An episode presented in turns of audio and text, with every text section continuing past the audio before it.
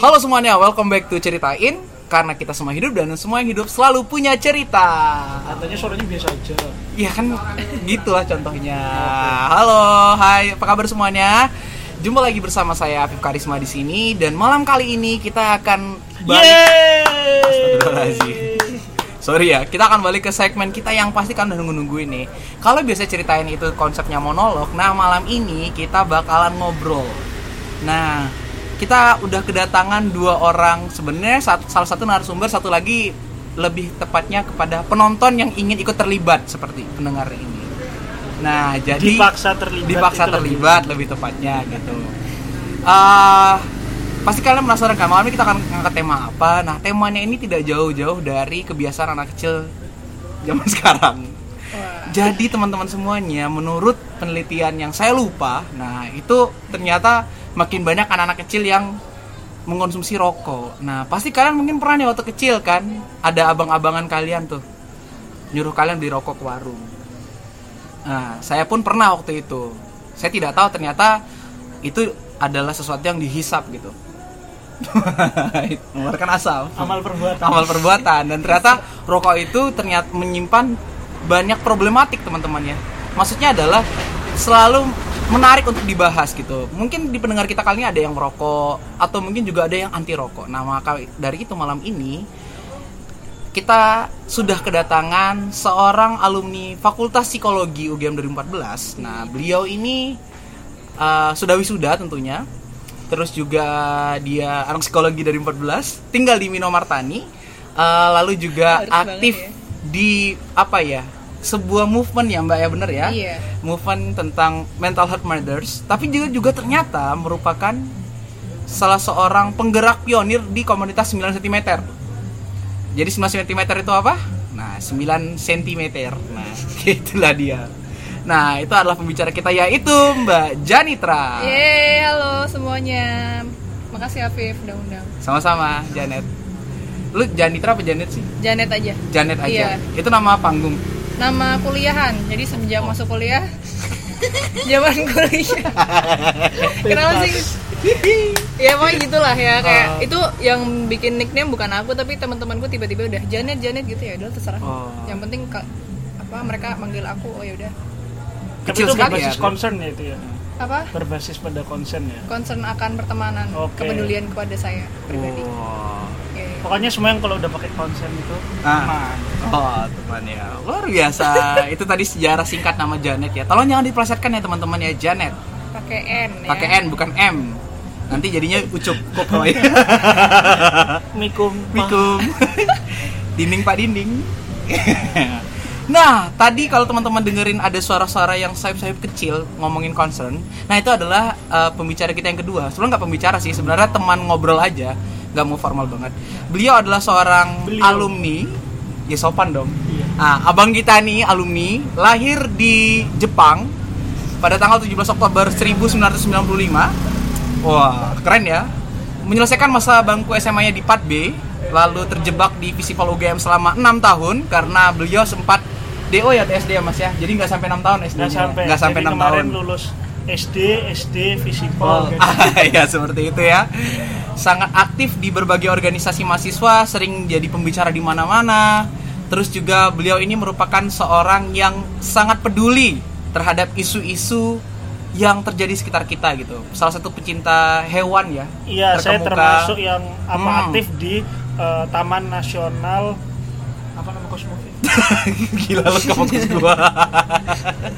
Untuk Jangan eh, dong. Uh, ini Afif Afif ini lah ya inilah dia Hikari Ersada. Yeah. Ohayo Hikari Sang. Ya sekian terima kasih. Wassalamualaikum. Tidak begitu dong. Hikari Sang. Ya. Hai. Hai. Hajimashite watashi wa Hikari Des. dojo rishi konegai shimasu uh, oh, hai arigatou gozaimashita. Eko, eto wa, kyo wa, podcast no Nihonjino Nihongo Gan bate ne? Gan bate kudasai ne. Hai. So stay now Hayaku stay Afif Hai hayaku stay do. Nah, Kalau pasti bingung kan? Ya. Yeah. Oke. Okay. Jadi malam ini kita akan bahas tentang tobacco. Tobacco? Eh Jepang ada tobacco.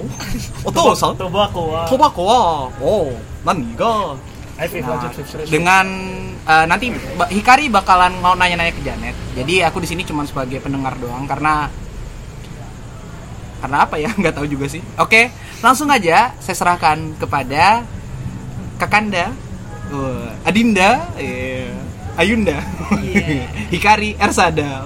Ya, gila kita 5 menit cuman ngomongin perkenalan. Cuman the best podcast podcast Afif Ada kata apa? Best. nggak ada jelasnya. Ya. Nah, jadi apa ya net ya? Net kenapa Apa dulu masuk psikologi net? Oh gitu. Soalnya penasaran. Aku orangnya kepoan sih. Oh, Jadi kayak kenapa sih misal ada orang tuh ada yang baik, ada yang jahat, ada yang gampang dikasih tahu, ada yang susah. hmm. Ya, terus macam-macam sih sejak SMP udah mikir-mikir kayak gitu. Terus kamu dari SMP udah mikir kayak gitu ya? iya. Oh luar biasa.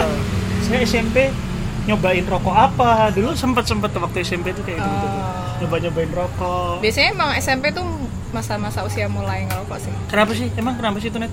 Mau langsung bahas itu. Enggak kok kok anak-anak SMP itu suka-suka yang kayak gitu. Kamu udah lulus kan di psikologi nih. Iya, Mesti tahu lah dikit-dikit lah. Udah. Karena Afif ini kayaknya punya genetik kalau punya anak dari SD, dari SD udah bawa gear.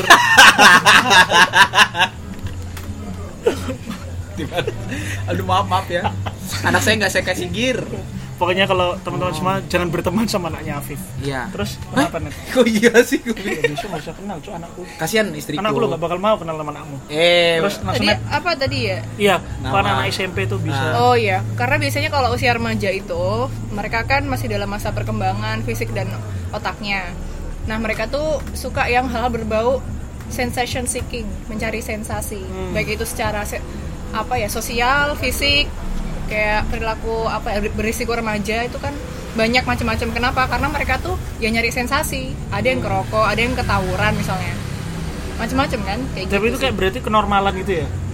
sebenarnya kalau kecenderungannya itu ya wajar gitu loh. Hmm. Cuman karena lingkungan kita juga terlalu permisif, jadi seakan-akan ya udah mereka gampang aja gitu kalau mau ngakses rokok gampang gitu. Hmm, aku waktu itu eh berarti itu patokannya puber ya?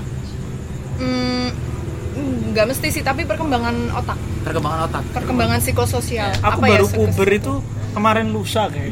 Otakku baru berkembang.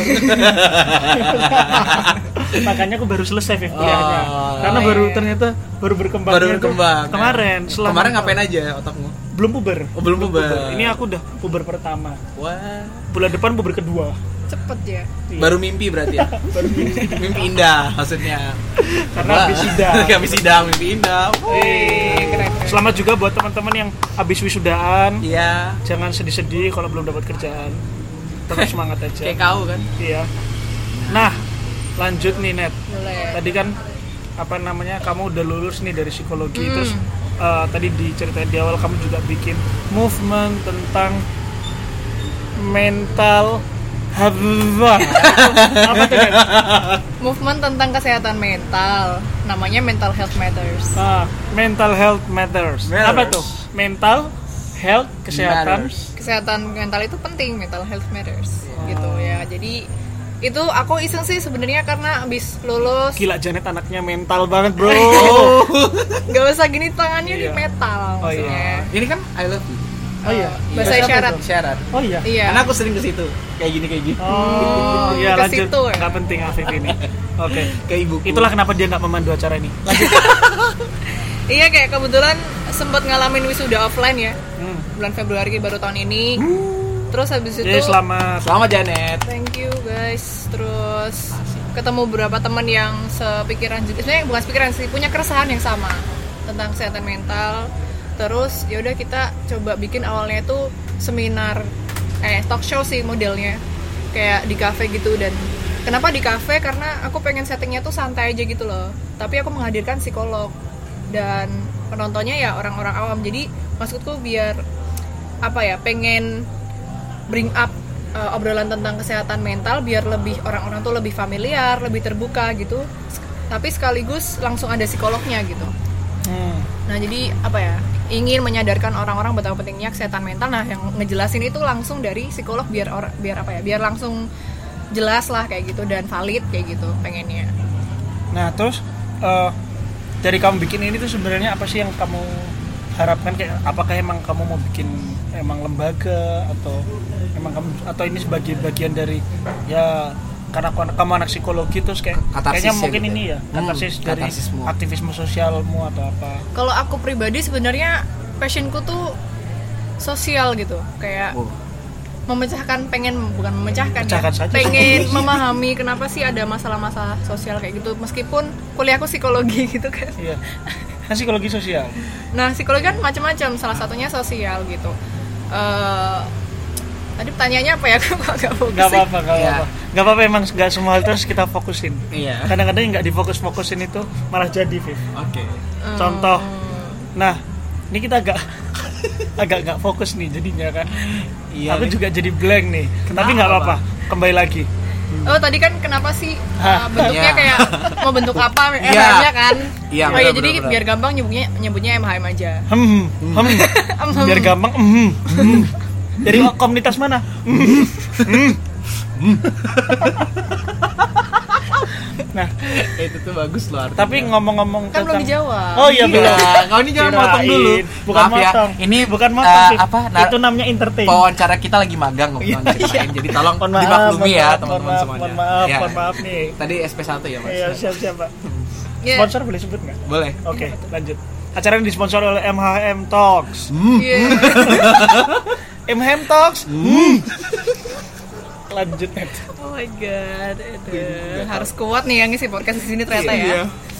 Ya jadi awalnya sih iseng-iseng aja, maksudnya waktu awal bikin di bulan Februari, sekarang udah September ya. Itu oleh coba aja, coba deh cek ombak dulu kayak uh, antusiasmenya banyak nggak.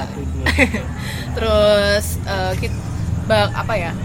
Kayak nyari-nyari orang juga mungkin yang sepemikiran, punya keresahan yang sama, makanya semakin ke sini itu orangnya semakin nambah sih maksudnya anggotanya yang ngurusin gitu kan nah mulai dari situ mulai tambah serius tambah serius sekarang sih tujuannya eh, kita pengennya buka cabang iya, Franchise. ini franchise jadi ini warung makan atau sih. oh, organisasi pengen jadi mungkin ada ide jadi startup juga ke depannya Oh. tapi masih awal banget ya gitulah Startup bintang di trial atas. and error dulu Bener bener bener. Luar semangat ya Janet dan teman-teman hmm. Hmm, Ah. talks. udah nggak lucu udah nggak lucu udah nggak lucu Masih lah, nanti mungkin ada lucu. Awas kalau ketawa kalian ya. Iya, udah nggak lucu soalnya, jadi jangan ketawa. Nah, ngomong-ngomong tentang MHM Talks, Hmm. terus eh, kamu kan juga aktif nih di tadi Afif udah mention di awal eh, Janet, Janitra, Hmm. namamu Janitra siapa sih? Janitra Habsari Ah, si Sari ini, Bagus-bagus loh Janet. Ya Sari juga bagus. Sari juga bagus loh. Wow. Kamu lebih lebih ntar cocok orang nggak mana? kenal Oh. Sari siapa Iya iya, hap. aja. parah Afif parah. Hop. eh, Nah. kenapa sih ketawa masih garing? Nah, aduh, Hop. Jadi mitra Absari. jadi ter hap Hap Sari. Sari. Nah, tapi terus Nah, ngomongin tentang kamu aktif di salah satu komunitas 9CM. Hmm. Kamu tau nggak kenapa sih kok orang-orang tuh bisa ngerokok yang diisep terus keluar asapnya bulat itu? Kamu tau nggak kenapa? kenapa tuh itu rokok loh itu. Iya. Kamu nggak tahu ya itu. Heeh. iya aku belum pernah nyoba sih Tapi kamu pernah lihat nggak orang yang ngerokok diisep Iya. habis itu asapnya bulat tuh. Bulat. pernah lihat Hebat ya. Iya, iya.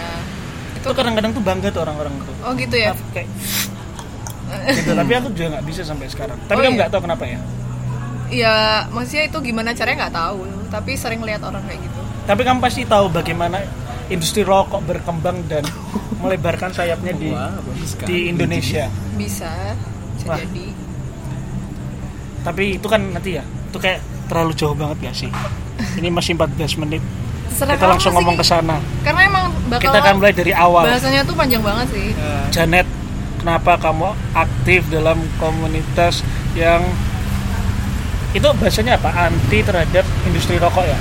Eh, Atau kita ti- Memproblematis. dari awal itu membahasakan komunitas pengendalian tembakau. Pengendalian tembakau. Karena kita tidak anti rokok. Maksudnya anti rokok Alhamdulillah. itu kan dulu kan apa ya gerakan yang eh, fun terus Hmm. apa ya engaging gitu tuh untuk isu rokok jarang jadi kesannya radikal gitu loh anti rokok Hmm. gitu anti perokok seakan-akan kan oh lu ngerokok ya berarti kita musuhan gitu lah istilahnya. Padahal kita nggak mau yang kayak gitu kenapa karena eh, sebenarnya eh, perokok adalah korban dari industri rokok ataupun dari peraturan yang terlalu longgar sehingga ya jadi perokok gitu Kok kamu bisa aktif di situ ya? Sorry aku potong nih.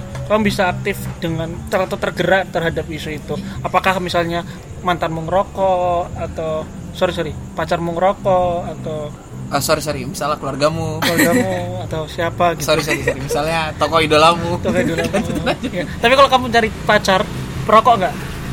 belum pernah sih Belum pernah kamu punya Dapet pacar yang perokok. cowok yang perokok Nah, Tapi itu udah nggak masuk kriteria lah ya perokok. biasanya gini sih aku sebenarnya nggak terlalu ngelihat dia ngerokok apa enggak tapi biasanya kalau dia kalau cowok ngerokok tuh biasanya ada mindset yang udah nggak cocok gua Hmm, buat kalian yang merokok, kalau kita mau belajar jangan berharap.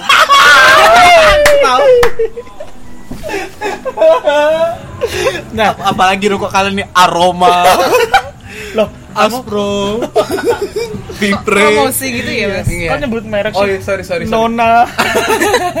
aroma itu maksudnya wangi-wangian Oh, iya. maksudnya yang terlalu ah Ini dari itulah. komunitas apa ini? saya dari komunitas pecinta bau rokok Oh, pecinta merokok ya.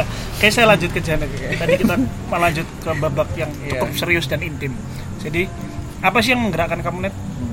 awalnya itu ada apa ya ada dua alasan yang pertama sebenarnya penasaran jadi kalau cerita mah dulu tuh ada yang pasang poster lah oprek kayak gitu di SMA aku oh di SMA, SMA di mana? SMA Kota Baru apa SMA berapa tiga wow Oh. Pat Manalba Ding ding ding ding ding. Nah, lanjut. Lanjut sekali. ya gitu terus kan wah apa nih kan waktu itu tuh pas mau lulus gitu loh kan pasti gabut dulu ya Iya. terus oh ya deh boleh ngikut ini ya jadi awalnya penasaran karena emang eh, secara nggak sadar gitu tuh sebenarnya sering penasaran kenapa sih rokok itu kan dibungkusnya udah ada peringatannya segala macam ada pokoknya orang semua tahu bahaya tapi kayaknya itu juga perilaku yang normal yang biasa banget hampir kayak tanda kutip semua orang tuh ngerokok kayak gitu nah makanya awalnya penasaran sih apa sih yang ada di otak para perokok gitu doang sih Enggak ada. Nah, terus level saya kedua, baru berkembang. Iya, berarti baru Baru berkembang. berkembang. Level kedua, nah Lanjut, level lanjut. kedua setelah aku masuk di komunitas itu belajar beberapa hal, aku baru tahu ternyata masalah rokok itu jauh lebih kompleks daripada yang kita bayangkan. Jadi nggak cuma Wow. tentang kesehatan doang, Hmm. tapi sosial, ekonomi, politik, budaya. Agama. budaya. Ya Agama. agama juga masih ada konflik kan, clash kayak gitu. Semuanya bisa, rokok masuk semuanya. Nah dari situ makanya itu yang bikin aku dari 2014 sampai sekarang ada di komunitas ini. Apa nama komunitasnya? Coba ayo apa Nah jadi namanya? nama komunitasnya kan Nah, nggak dengerin nih. bilang apa ya? Nyebutnya 9cm karena Sentil itu singkatan dari Global No Cigarette Movement. Nah Oh, kenapa Global no, No cigarette, No no cigarette cigarette movement? Harusnya 9 NCM. Ya, ya. Lanjut aja. Nah kenapa sih 9cm? Jadi awalnya itu Kenapa enggak 10? Kenapa nggak 10? Nah, karena filosofinya sebenarnya ada sebuah puisi Ah. yang nulis Taufik Ismail, judulnya Tuhan 9 cm dan itu emang ngebahas tentang rokok di Indonesia. Oh, panjang rokok itu 9 cm. Eh, mungkin saat itu ya. Terus boleh aku bacain nggak awalnya? boleh Boleh, boleh, boleh. Boleh, boleh banget, boleh banget. Aku kurang tahu ini dari tahun berapa ya. Iya. Jadi tapi masih relevan banget isinya. Aku bacain awal aja, awal aja aja. Tuhan 9 cm oleh Taufik Ismail. Indonesia adalah surga luar biasa ramah bagi perokok. Indonesia adalah semacam Firdaus Jannatun Naim. Tapi tempat siksa tak tertahankan bagi orang yang tak merokok. Di sawah, petani merokok. Di pabrik, pekerja merokok. Di kantor, pegawai merokok. Di kabinet, menteri merokok. Di reses parlemen, anggota DPR merokok. Di Mahkamah Agung yang bergaun toga merokok. Hansip, Bintara, Perwira, nongkrong merokok. Di perkebunan, pemetik buah kopi merokok. Di perahu, nelayan penjaring ikan merokok. Di pabrik petasan, pemilik modelnya merokok. Di pekuburan sebelum masuk kubur, orang merokok. Sangat ramah bagi perokok, tapi tempat siksa kubur hidup-hidup bagi orang yang tak merokok. Itu baru cuplikan awalnya aja. Masih panjang banget. Dia bahas nanti di angkot, di pasar, dan itu masih relevan sama kondisi di Indonesia sekarang. Nah itu yang menginspirasi kita untuk bikin komunitasnya namanya 9CM. Jadi 9 itu sebenarnya G. No Cigarettes Movement. Jadi Iya. eh, disclaimer aja ya. Ya.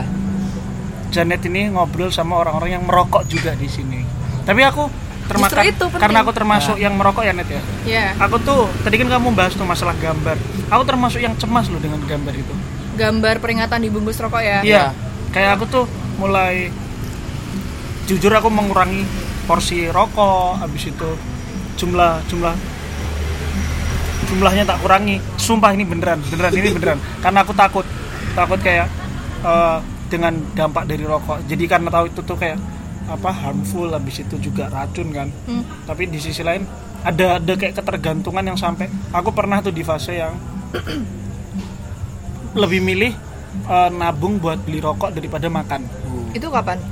itu udah udah semester berapa ya? udah Tahun.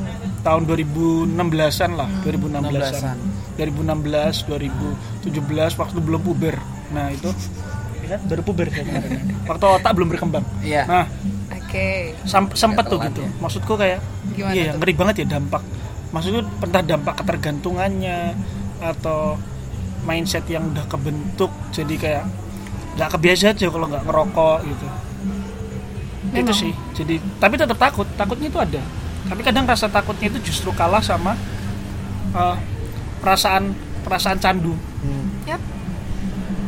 Iya, kamu punya nggak cerita-cerita yang kayak kamu temukan seperti itu? Cerita atau kayak orang-orang yang serupa dengan aku gitu? Sebenarnya aku apa ya lebih banyak referensinya baca jurnal gitu. Hmm. maksudnya eh, kalau cerita orang tuh macem-macem dan kadang bias. Tapi kalau di jurnal kan eh, mereka juga udah ngawancara banyak perokok gitu. Oh. nah kalau tadi Hi- Hikari bilang kalah sama efek candu bener sebenarnya. Karena yang ditemuin di jurnal juga kalau misalnya orang eh, yang udah kecanduan rokok pengen berhenti withdraw efek withdrawalnya itu efek sakaunya itu sesulit kalau dia pengen lepas dari kokain. Padahal kokain udah drugs. Kenapa? Karena dia relapse-nya apa tinggi gitu. Meskipun nggak semua orang mengalami kesusahan. Kayak ada tuh yang dia udah ngerokok terus pengen berhenti total bisa. Nah itu bisa ada penjelasannya sih dari apa ya dari otaknya. Reseptor di otak ada namanya reseptor saraf lah di otak. Itu tuh yang beda jumlahnya orangnya. Itu kan individual difference ya perbedaan tiap individu. Nah itu faktor yang ya memang beda tiap orang random gitu. Nah, biasanya ada yang lebih responsif dengan nikotin. Jadi ketika dia udah kecanduan reseptornya itu cepet banget nambahnya. Ketika rokoknya hilang tiba-tiba yang masuk ke otak tuh apa kan nikotin kan sebenarnya Iya. Nah itu uh, otomatis kalau dia reseptif banget dengan nikotin, dia akan withdrawalnya lebih kuat. Tapi ada juga orang yang bisa berhenti tiba-tiba, mungkin itu karena reseptor di otak dia nggak sesensitif yang susah gitu. Uh, gitu sih yang aku temuin di apa di jurnal. Jadi maksudku gini, kalau misal Hikari atau Afif di sini dan teman-teman di luar sana merokok Iya. eh eh gitulah ya kalau misalnya pengen berhenti itu maksudnya kalau misal ngerasa susah it's it's no surprise gitu loh hampir semua perokok di dunia ini ngala- ngalamin hal yang sama karena emang itu hal yang susah nggak ada yang bilang kan ketika dulu kalian mulai ngerokok hati-hati loh berhentinya susah nggak ada yang bilang gitu tapi sebenarnya itu emang udah faktanya kayak gitu sama Sama. sama seperti aku mencintaimu Anjir. susah berhenti Susah. Idi. aduh Sama Sedap. seperti Say. ketika aku memandangmu. Wah, Susah susah. berhentinya. Bukan Tapi- bukan tapi kamu berhenti. zina mata Bukan berhenti memandang. susah soalnya ditutupin. Oh, ya udahlah ya Udahlah. Tuhan memang satu Iya. Dulu aku ingat tadi Janet kan ngomong ya kayak bungkus rokok tuh berubah sekarang. Jadi ditampilkan gambar-gambar. ini sebagai orang. apa ini kamu nanya sebagai apa Kan sebagai komunitas pecinta bau. oh ya silakan Ya. Jadi kayak diganti gambar. Dulu gambar mas-mas kan. Seperti mas-mas yang ada tengkorak-tengkoraknya tapi nggak ngefek, malah bercandain. Tapi juga gue ingat tuh zaman dulu kan tulisannya gini ya, merokok dapat menyebabkan Kanker, serangan jantung, impotensi. Cuman itu juga dibercandain nih. Lah kan gue beli. Kan merokok dapat. Oh. Apa? Wow. Oh, gitu. ya niatnya melucu ya teman-teman cuman nggak sih ya itu terjadi ya ternyata karena tidak nggak ada tulisannya merokok Oke, di- kita stop ya. Iya. Sorry kalau Iya, iya, apa. Net, selama kamu aktif di Global No Cigarettes Movement. itu tantangannya apa sih Net? Kamu pernah nggak dia mendapatkan ancaman atau dimaki orang ketika campaign atau atau berantem di media sosial barangkali dengan akun-akun Jujur aja aku tuh apa ya masuk eh, Nancy M itu fluktuatif sih. Jadi ada masanya masih nggak tahu apa-apa, baru belajar ya udah polos aja gitu. Nah mulai tahu banyak eh, apa seluk beluknya rokok, terus mulai bersuara di dunia sosial apa sosmed atau ya publik gitu tuh sebenarnya aku ngerasa apa ya takut sih. Kayak skeptis maksudnya aku sendiri tuh skeptis karena karena banyak orang yang ngapain sih lo ngurusin rokok? Kayak udahlah itu tuh nggak mungkin selesai di Indonesia kayak gitu. Jadi kalau challenge-nya kalau aku ngalaminnya lebih kayak ngerasa diremehin sih. Ngerasa orang tuh ya nggak percaya gitu gerakan kayak gini tuh bakal membuat perubahan atau jangan-jangan saking hopelessnya aja orang-orang juga. Iya, itu makanya itu harus aku lawan gitu loh dari akunya sendiri yang setiap hari. Maksudnya kan eh, apa ya?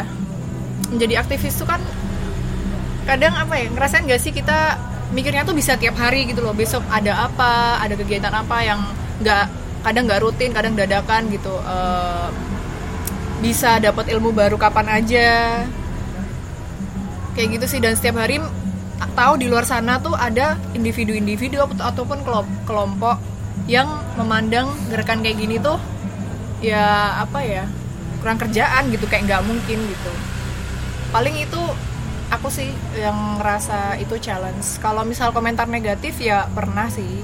Waktu apa tuh ngejelasin uh, konfliknya KPAI sama PB Jarum ya. Iya itu kan KPAI sempat menyuarakan kalau bisa dalam beasiswa badminton tersebut sebenarnya Ya. tuh beasiswanya boleh tapi yang membuat concern adalah kenapa sih harus ada jarumnya Hmm. aduh sebut merek sorry ya ada ada itu tuh namanya brand image jadi brand Iya. image tuh Gak tapi tulisan di 9cm ada tentang jarum warna dan lain-lain apa Di 9cm ada di tempatmu ada tuli, ada pembahasan tentang jarum nggak kemarin? Eh, kita bareng-bareng ngebahasnya Oh, sama ya udah, nggak apa-apa sih. jaringan Sekarang punya fakta bahwa kamu Iya, iya, Iya. iya emang kemarin apa ya bantuin advokasi juga sih sama yayasan Lentera Anak dan jaringan-jaringan lain bareng-bareng gitu. yang bikin kamu masih stay apa nih? Kayak misalnya kamu punya keluarga yang merokok nggak? Ayahku mantan perokok Berhenti. karena sakit. ah Jadi dari April 2019 beliau tiba-tiba kena serangan stroke ringan. Eh, jadi harus di rumah sakit berapa ya? Satu apa dua bulan lah gitu. Terus ka- sampai sekarang setahun ini eh, istirahat di rumah. Beliau itu kan pengajar harusnya di kampus, tapi nggak ngajar jadinya. Karena WFH. Enggak dong, sebelum covid juga udah kan. Jangan bercanda kamu Ki. eh itu suara kamu tadi Karena kena Kari. kena saraf kaki gitu, jadi susah untuk beraktivitas. Recovery-nya kan pelan banget ya gitu. Ah. Nah sejak itu berhenti sih. Katanya sih dulu gini, uniknya ayah, ayahku tuh rokok sejak SD dan itu dibeliin sama ibunya, mamanya nenek berarti nenekku berarti. Nenekku juga dulu ngerokok. Hmm, ya itu sih. Tapi sebenarnya aku tuh apa ya? Meskipun arah ayahku perokok, ayahku tahu aku ada di aktivisme ini, sempat berhenti setahun sih. Tapi ngerokok lagi entah kenapa, nggak tahu. wow Sekarang berhenti total. Eh, tapi ada nggak ya kaitannya? Ini kan sekarang lagi pandemi nih. Hmm. Semuanya susah gitu. Kehidupan memukul kita berkali-kali. iya Dan sering kali rokok itu jadi kayak hmm, pelarian orang. Iya. Hmm. ada dong hubungannya ada banget karena maksudnya covid ini kan sumber stres sebenarnya Hmm. Ah. untuk orang yang coping mekanismenya itu dominan ke rokok dan mungkin hal lain kayak ya kan orang coping macam-macam ya coping Iya. tuh cara menghadapi dia terhadap masalah gitu Es krim kopi. terus orang misalnya WFH apalagi ya nggak kalau di kantor kan biasanya Ah. ada ruang AC dan lain. Tapi Iya. sekarang cuma di rumah bisa beli rokok kapan aja. Bahkan dari HP bisa kan sekarang. Iya. Eh, gitu. Padahal covid juga nyerangnya kalau penyakit covid ini kan nyerangnya paru-paru ya. Jadi merokok itu salah satu faktor yang eh, memperparah. Kalau kalau dia udah sakit covid jadi susah sembuhnya dan kalau dia perokok lebih rentan kena corona tapi maksudku kalau dari segi sisi perokok mungkin dia ya serba salah gitu loh. Ah. dia stres ya bisanya bisanya tanda kutip ya kerokok. Kalau misalnya nggak ngerokok nggak bisa pro- produktif misalnya kayak gitu. Sebenarnya yang dirugikan ya isi perokok itu yang paling rugi. Kelompok paling rentan itu kalau nggak anak-anak perokok di masa covid ini. Karena harusnya paru-parunya dilindungi tapi dia juga tetap ngerokok. Nanti kalau kena corona susah sembuh juga. Dan lebih parah kan kalau misalnya kena dia akan lebih parah. Gitu sih. Terjawab nggak yang terkait Terjawab sih. covid gitu? Aku kamu sampai- kayak merenung gitu ya? Iya speechless aku. Speechless ya? Speechless. Karena bukan karena kehabisan pertanyaan ya. Aku nggak mungkin kehabisan pertanyaan. Cuman kayak jadi ini aja aku jadi jadi pusing jadi ikut pusing. Itu pusing pusing banget sih. Em, masalah rokok itu salah satu masalah paling kompleks menurutku di Indonesia atau di dunia tau nggak sih Indonesia tuh regulasinya bisa termasuk yang paling lemah sih di dunia. Oh iya. Terhadap rokok ya? Terhadap rokok. karena ini surganya perokok. Taufik Ismail. Firdaus. Jannatun Naim janatun naim Jannatun. Janatun berpantun. Nah. Maksudku kalau ka- teman-teman apa ya merasa oh pertama ngerokok itu normal kedua susah berhenti. Karena memang pengaruhnya tuh nggak cuma dari diri kalian gitu lingkungan juga lingkungan Oke. iklan rokok di mana-mana Hah. beli rokok di mana-mana bisa beli batangan harganya murah udah Iya. lengkap setiap itu nonton Peaky Blinders rasanya pingin rokok ya misalnya iya tontonan bener nggak sih? tontonan itu juga sebenarnya Ah. alatnya industri rokok Iya. sih oh ya jadi buat klarifikasi juga sebenarnya kalau Ah. aktivisme kayak gini tuh kenapa namanya tadi kan bahas ya kan ah, nggak mau disebut anti rokok tapi Iya. peng- nyebutnya adalah pengendalian tembakau. Tobacco control. Tobacco control. Jadi kenapa? NCM ini tawang pawang tembakau. Mengendali. Mengendalikan. Oh, Avatar. Oke, Iya. baik. Mantap. avatar ya tembakau ya. avatar tembakau. Kenapa sih harus di at- dikendalikan tahu nggak? Nggak tahu kenapa? Karena dia liar. Karena dia tidak ini udah brutal, lucu Viva membuat lucu. semua orang Lanjut, menjadi gempar. Lanjut net kenapa bukan. Net bukan Kenapa jadi harus memang dikendalikan? Tembakau itu salah satu produk yang kena cukai oh karena dia ada Wow. zat adiktifnya. Nah, jadi eh, mungkin buat teman-teman yang wah kalau ada aktivisme anti rokok pasti pengen nutup pabrik rokok. Caranya nggak kayak gitu. Jadi memang harus dari produk tembakaunya itu dikendalikan. oke Nah, Berarti kenapa pertaniannya. kenapa nggak eh, bedanya cukai sama pajak apa? Sama apa beda? kalau cukai halo anak-anak FEB bukan Aku aku lulusan psikologi tapi mau nggak mau harus belajar gitu sih di isu Hmm. ini gitu.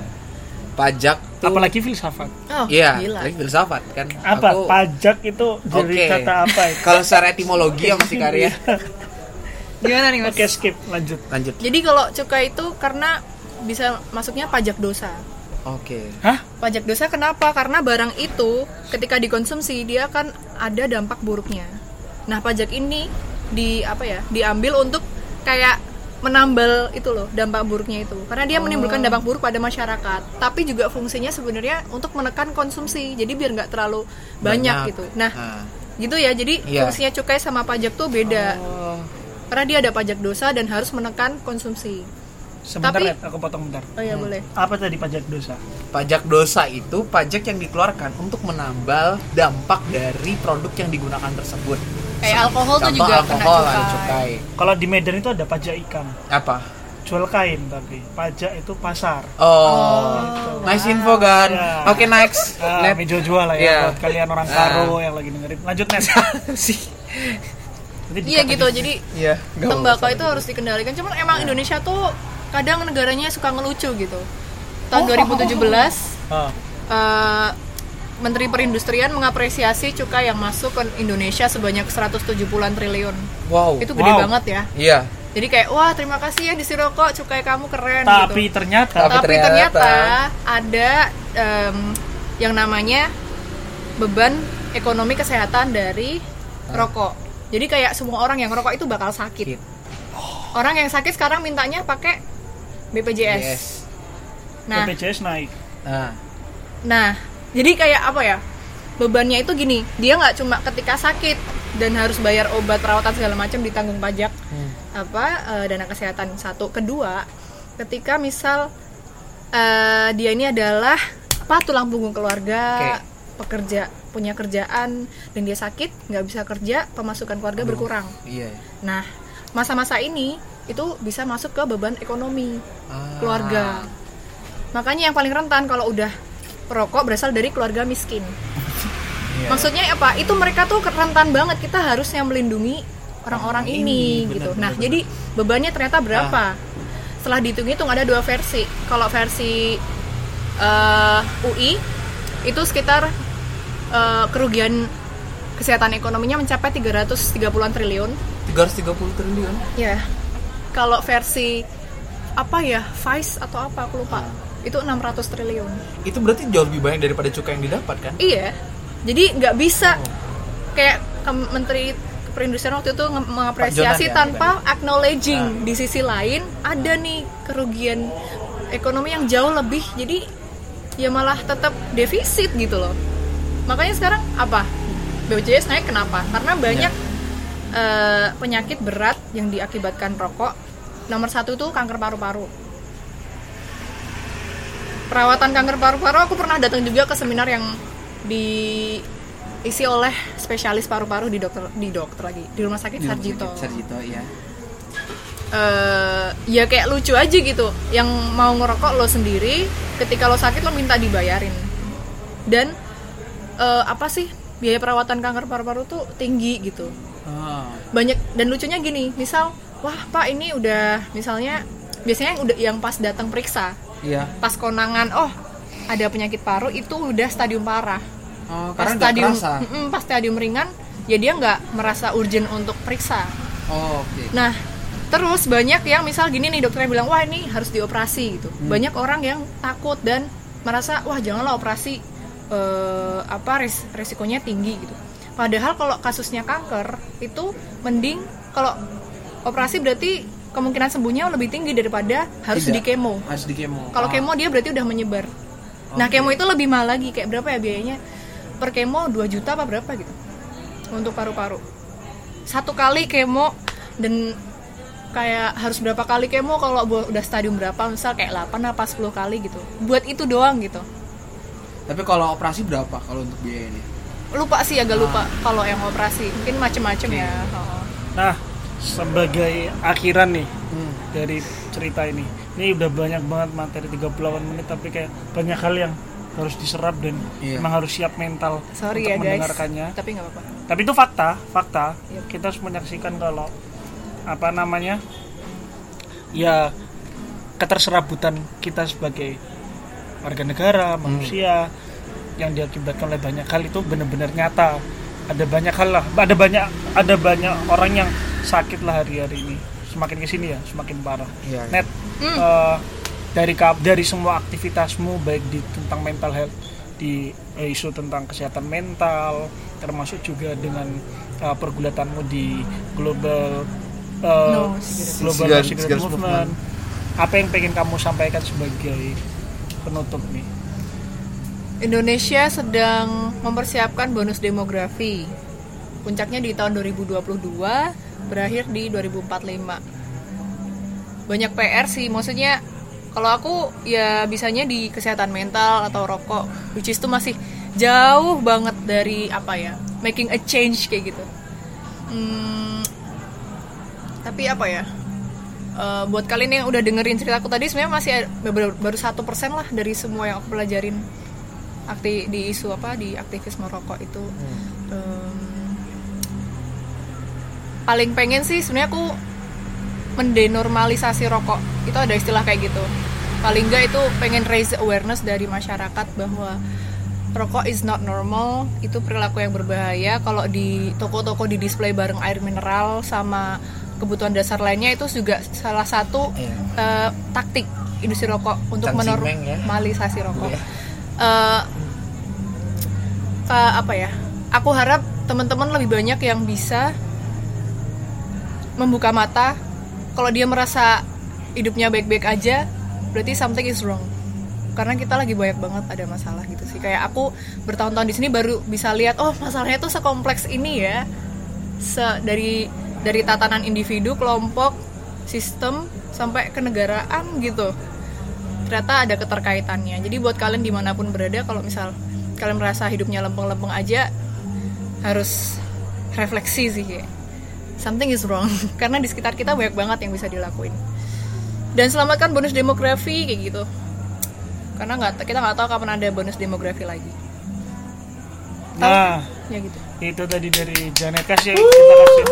Janet. menyentuh ya gue merenung loh. aku jadi Iya. ingat pertama eh, aku habis nonton kasih kebetulan aku habis eh, bikin tulisan tentang anak-anak gitu kan Ah. tapi kaitnya sama eksploitasi anak gitu di sektor perburuan Hmm. terus eh, tadi pagi aku nonton satu satu series gitu Ya. yang angkat tentang eh, stateless asylum seeker itu 70% or, eh, 70 juta orang itu menjadi asylum seeker dan setengahnya itu adalah anak-anak.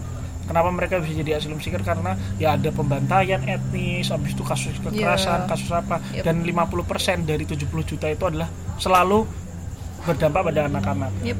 Habis itu tadi Janet karena nge-mention tentang uh, kelompok yang paling rentan termas dalam di, da- di dalamnya itu ada uh, kelompok ekonomi uh, rentan dalam hal ini masyarakat yang uh, termarginalkan di sektor ekonomi sama uh, anak-anak itu menjadi uh, kelompok yang rawan terhadap praktik-praktik eksploitatif dari satu industri yang besar. Banget.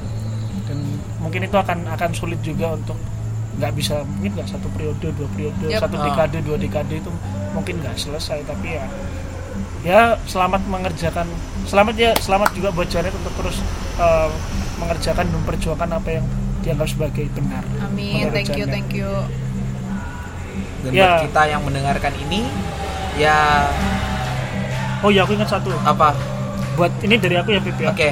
Eh, orang-orang kayak Janet atau kayak Afif yang bikin eh, coba bikin podcast dan menyuarakan apa sesuatu dan sebagainya hmm, aku tuh jadi inget juga kayak Munir gitu. Mereka itu sebenarnya bukan orang-orang bahaya.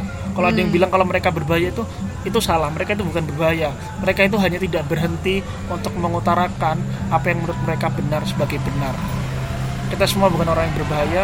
Kita itu cuma orang-orang yang memilih untuk tidak berhenti mengutarakan apa yang kita pegang sebagai kebenaran. Dan di atas sana tuh banyak orang yang takut akan kebenaran. Eh, eh. ya kan? Keren banget sih gila-gila gila gila gila gila gila. Jangan takut akan kebenaran teman-teman dan jangan pernah berhenti menyuarakan kebenaran menurut kalian. Yes you're not alone we still here The world make it a better place for you and for me and the entire human race.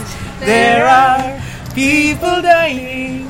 If you care enough for the living, make a better place for you and for me. Thank you very much Janet dan Dikari. Thank you for Terima me. kasih sudah ngisi podcast malam ini. Dan jangan lupa untuk dengerin terus podcast ceritain. Dan kalau misalnya kalian punya juga kebenaran yang ingin kalian suarakan kalian boleh kirim kebenaran kalian itu diceritain untuk bisa dipublis. Karena kita semua hidup dan semua yang hidup pasti selalu punya cerita. Saya Afif Karisma pamit.